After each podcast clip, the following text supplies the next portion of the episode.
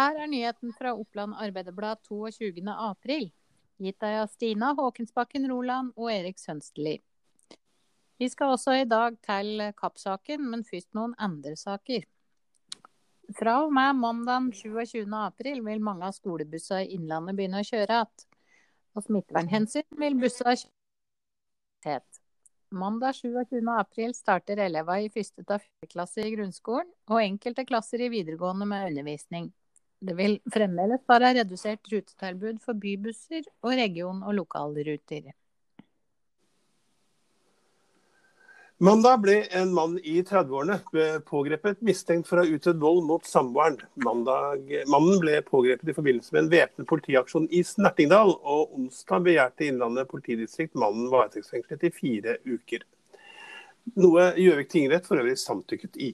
I tillegg til å være siktet for vold i nære relasjoner, er mannen siktet for å ha kommet med trusler mot politiet. Onsdag melder Sykehuset Innlandet at 38 ansatte er bekreftet smittet med koronavirus, mot 37 dagen før. Det er eh, usikkerhet knyttet til uh, om personer som har vært smitta av koronaviruset, blir immune. Folkehelseinstituttet regner med at den blir immun, men det er uh, usikkert og fullstendig og langvarig denne immuniteten er. Folkehelseinstituttet regner med at vaksine mot covid-19 tidligst vil være klar høsten 2021, men at det i verste fall kan ta flere år før vaksine foreligger.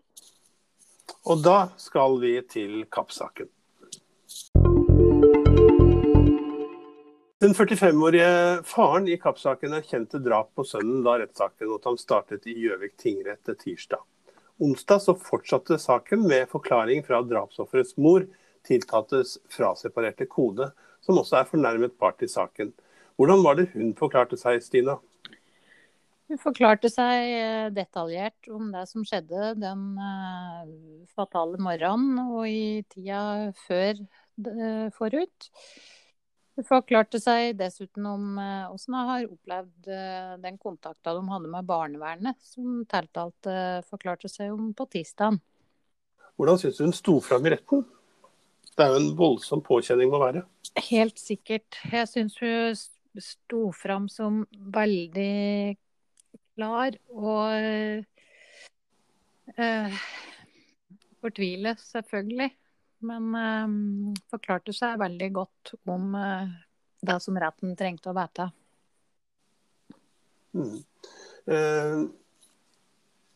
dette med barnevernet som, eh, som eh, hun til, som tiltalte forklarte seg om tirsdag, at barnevernet har vært inne i 2017 og 2018.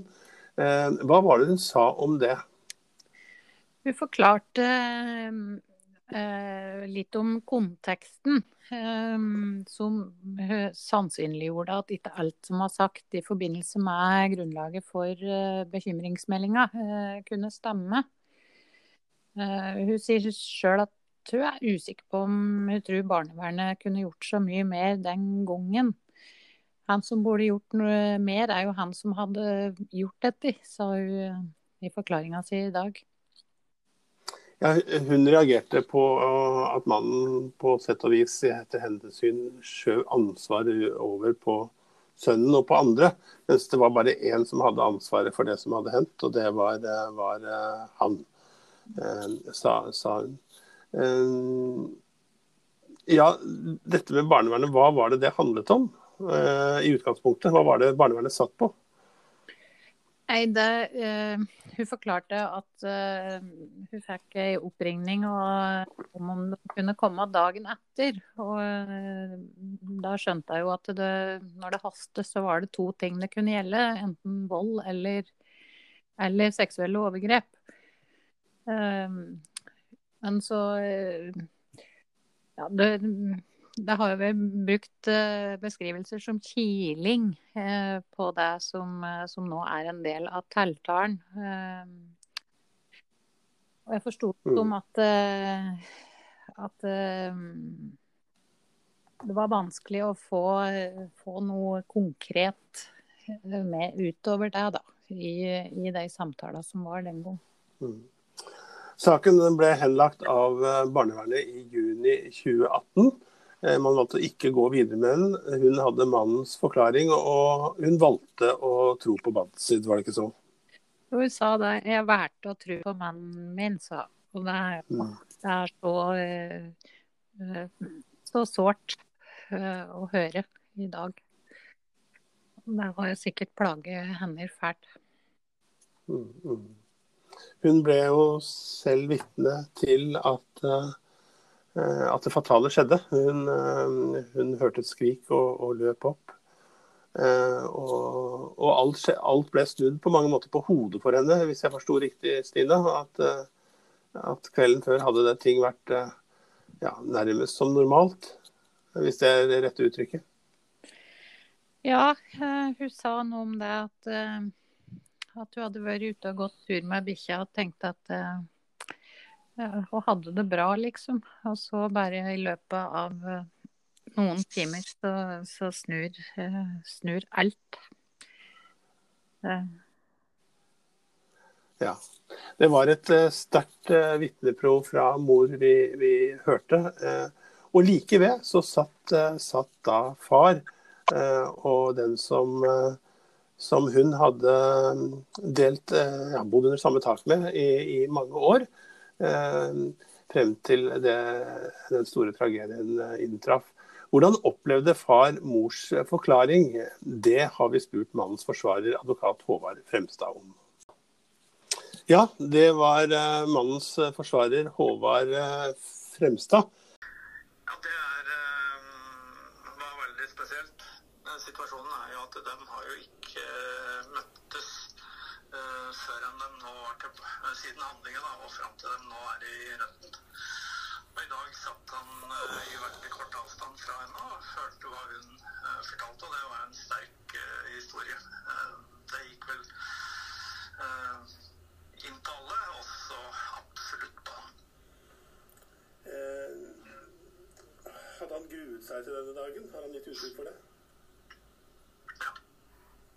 Han, sin dagen i går med hans egen forklaring. Og øh, hennes forklaring i dag, det har han visst at kom til å bli tøft. Han redegjorde ganske eh, detaljert for hvordan han hadde planlagt å drepe sønnen.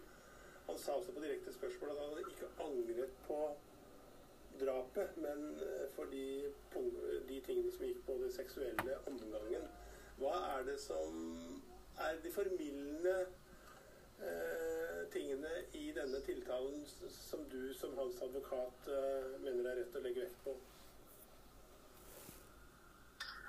Nei, jeg mener jo eh, ved handlingene som sådan, så er det jo ikke noe, det ikke noe formildende ved de.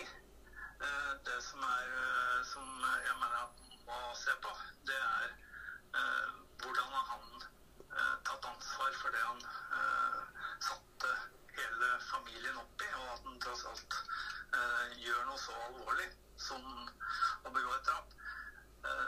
Det, alt i forkant av drapet, det finnes ikke noe formildende rundt de grader bidrar eh, til å belyse eh, hele familiesituasjonen og handlingene sine tvers igjennom. Eh, blant annet det med sedelighetsforbrytelsene. det er det ikke tvil om at det er han som kunne gi detaljene om det. Det ville ikke politiet ha funnet ut av i det omfanget som han har fortalt. Etter samtalen med forsvarsadvokaten fikk vi også en rask prat eh, med bistandsadvokaten Inger Marie Støen. Hvordan var det for mor å, forklare seg i retten i dag? Nei, det var forferdelig vanskelig. Han hadde en svært tung dag, så hun hadde gruet seg